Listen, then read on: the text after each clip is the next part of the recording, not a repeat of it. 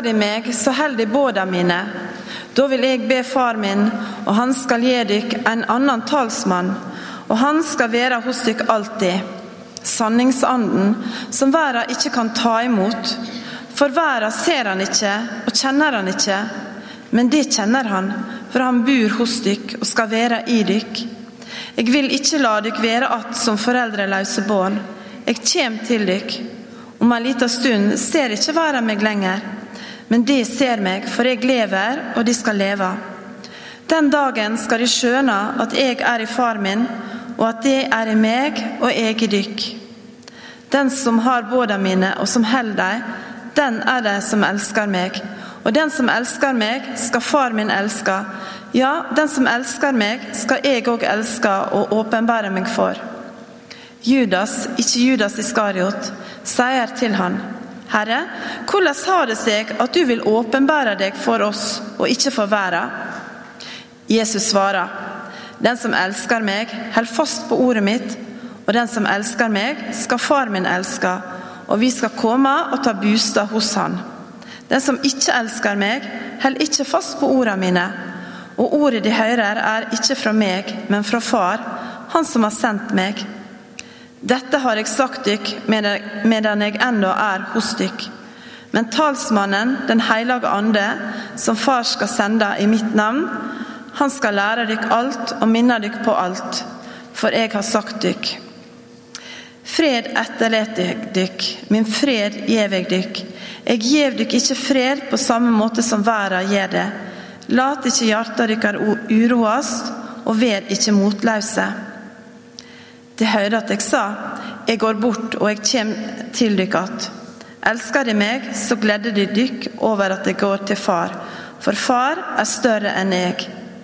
Nå har jeg sagt dykk det før det hender, så de skal tro det når det hender. Heretter kommer jeg ikke til å tale mye med dykk, for han som hersker over denne verden kommer.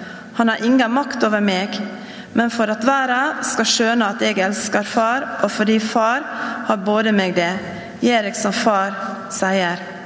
Reis dykk, la oss gå herfra. Slik lyder Herrens ord.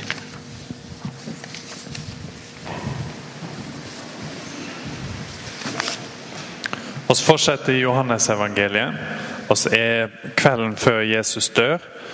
Og Det er de siste tingene han sier til disiplene sine før han går til korset. Går i grava og senere står opp igjen. Så jeg er veldig interessert i hva er detaljene som han understreker. Hva er stemninga, på en måte? Hvordan er Jesus rett før han dør? Og denne gangen, dit vi er kommet nå, så knytter han sammen to ting for deg som oss er kanskje mindre vant til å holde sammen. Dere har tekster bak på arket dere fikk når dere kom. Så hvis du ser helt øverst der, så sier han Elsker det meg, så holder det båda mine. Jesus knytter sammen kjærlighet og autoritet. Som er to ting oss er vant med å kanskje holde litt fra hverandre. At Hvis du har kjærlighet, så er du nær og du er sjenerøs. Og hvis du har autoritet, så er du litt avstand og er kanskje litt kald og fjern. Men sånn er det ikke for Jesus. Han sier at hvis de elsker han, så må de holde budet hans. Og når han sier det, så er det vanskeligere enn det høres ut som. For når han sier han skal holde budet hans, så mener ikke han bare noen bud.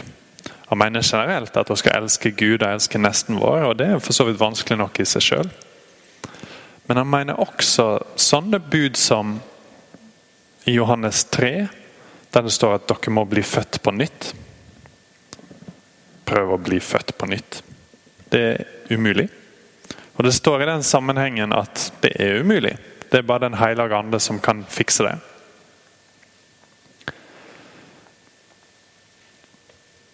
Men Jesus knytter sammen disse to tingene. Og Egentlig så er det ganske naturlig.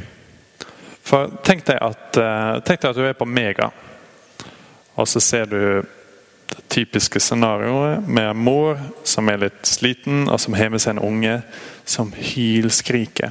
For det er en eller annen ting som han har sett seg ut, som han har lyst på, og som han ikke får. Og mora blir mer og mer irritert ikke sant? og kanskje litt flau. Eh, for alle ser på henne, og hva, hva er dette? Og så sier ungen 'Mamma, er ikke du glad i meg? Hvorfor får jeg ikke denne tingen?' litt sant? Og hun føler seg elendig. Egentlig så sier hun nei fordi hun har stor kjærlighet.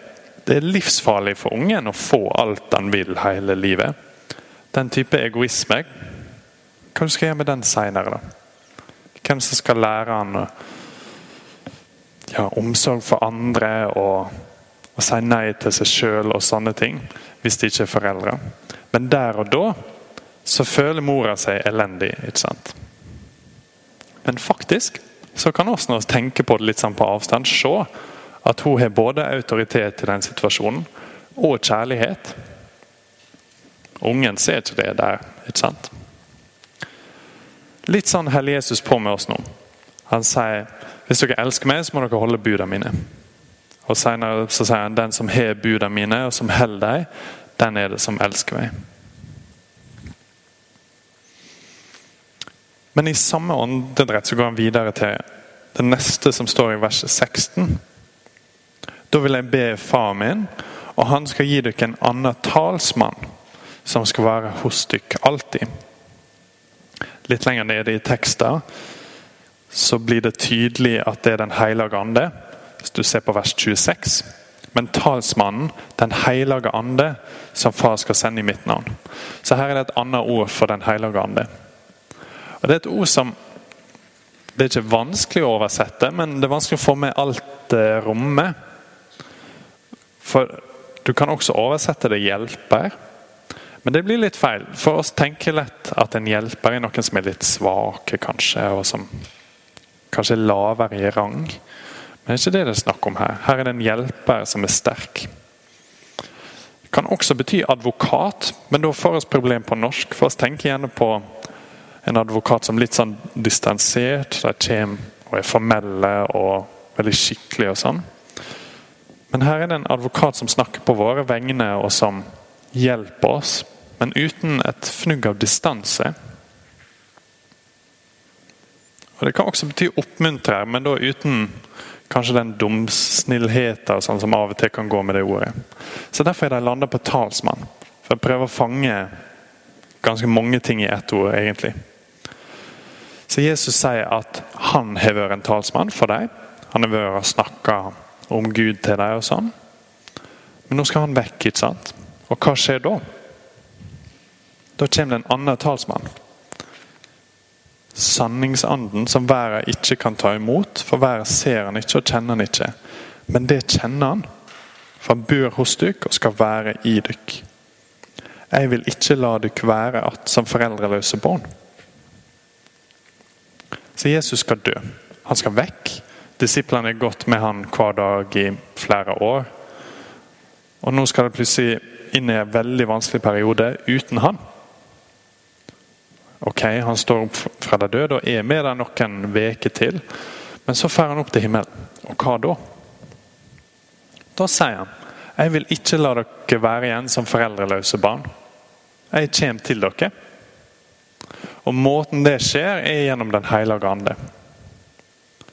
Den hellige ande er en av de tre personene i Gud. Og han kommer til dem med Jesus. For han, en måte å tenke på Den hellige ande på er at han er Jesus sin beste venn. Her er en som er vød med, med Jesus. Han er Gud. Han er vød med Jesus i all evighet. Nå kommer han inn i de som tror, bl.a. disiplene som sitter her, og formidler Jesus til dem. De kan ha et forhold til Jesus selv om han er langt vekke. Og Gjennom hele teksten så er dette en gjenganger egentlig, at disiplene i seg sjøl er ganske tomme og håpløse. Hvis de er overlatt til seg sjøl, så er de foreldreløse. De vet ikke hva de skal gjøre, de har ikke så masse å komme med. De klarer iallfall ikke å holde buda. De klarer ikke å elske Gud sånn som de skal. Men så kommer denne hellige anden og gjør en enorm forskjell. For han kommer med Jesus. Men det går an å få litt dårlig samvittighet for dette. ikke sant? For Jesus sier ok, hvis dere elsker meg, så hold dere buda. Og Hvis det er litt grann, i fall, ærlige med oss sjøl, så er det vanskelig å holde buda. Betyr det at vi ikke elsker Gud? Kanskje enda verre, betyr det at vi ikke har Den hellige ande? Og kanskje verst, betyr det at han ikke vil gi oss Den hellige ande? Så det går an å begynne å tenke litt sånn. Men da er det nyttig å huske på resten av historien. For jeg har lest boka til endes, og så har jeg iallfall hørt fortellinger før. Jesus står og sier dette bl.a. til Peter. Peter har lova ja, for en liten stund siden, samme kvelden, at han aldri skal svikte Jesus. Seinere den kvelden så er han den tydeligste egentlig i å fornekte Jesus. Det kommer en liten jente bort til han, og han fornekter Jesus. Han knekker helt sammen. Så Han er ikke så veldig imponerende, egentlig. Og sjøl for han så går Jesus til korset og dør. Han dør for å ha sine synder. Han dør på vegne av Peter. Han dør den døden som Peter hadde fortjent å dø. Så står han opp igjen, og så kommer han og snakker med Peter. Akkurat den sekvensen kommer litt senere i Johannes evangeliet, kapittel 21. Så spør han han tre ganger. Like mange ganger som Peter hadde fornekta han. Så spør Jesus han tre ganger. Elsker du meg, Peter? Så sier han at han gjør det. Så går det en del uker til. Så kommer pinsedag. Og så får Peter Den hellige ande. Og så blir han en helt ny person. Før så har han ja, han har møtt ei lita jente som har sagt 'Å, er ikke du han som vandrer med Jesus?' eller et eller annet sånt. Jeg husker ikke akkurat hva det står. Og så har han sagt nei. På pinsedag så står han foran tusenvis og forteller dem ikke bare at han tror på Jesus, men han forklarer dem hvem Jesus er, og hvorfor det er viktig, og hva som er så stort med den tingen her. Og Der ser vi Den hellige ande i verk. ikke sant? Den hellige ande er kommet og gjort han ny. Han er blitt en ny person. Jesus er ikke på avstand fra ham. Selv om Jesus nå på det tidspunktet er i himmelen, så er han nærere enn han noen gang har vært før. For hvis vi måtte valgt mellom å ha det fysiske nærværet av Jesus her, at han satt bak i benkeraden, eller Den hellige ande, så hadde vi kanskje valgt det fysiske nærværet. Det hadde vært veldig spennende iallfall. Men fordelen med å ha Den hellige ande, som formidler Jesus til oss, er at da er han nær alle. Da er ikke han bare en plass i Midtøsten som vi må reise for å treffe han. Da er han i Velledalen, og han er her, og han er i Ramstadalen.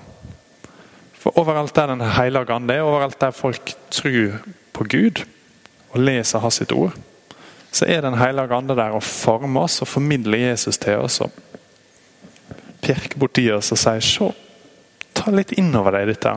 Se hvor stor han faktisk er. Se hvor god han faktisk er mot oss. Se hvor masse håp det faktisk gir, det at han døde for oss. Det er en kar som heter Charles Spurgeon, som, som har sagt dette. Anden flytter blikket vårt vekk fra oss sjøl og over på Jesus. Satan gjør det motsatte. Vi vil aldri finne lykka med å se på bønnene våre, hva vi gjør, hva vi føler. Det er hva Jesus er, ikke hva oss er, som gir hvile til sjela. Hvis du vil vinne over Satan og få fred med Gud, så må det bli ved å se til Jesus.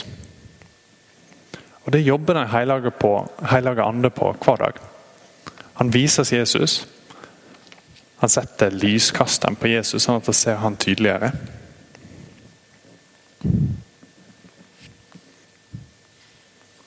Og Det er det Jesus sier i denne teksten. Fred etterlater dykk Min fred gir dykk. Jeg gir dykk ikke fred på samme måte som været gjør det. Været er opptatt med å se innover, ikke sant? Har grunnlag for å ha det rolig nå og ha en fred? Kanskje ikke. Men Jesus har en fred som er utafor oss sjøl.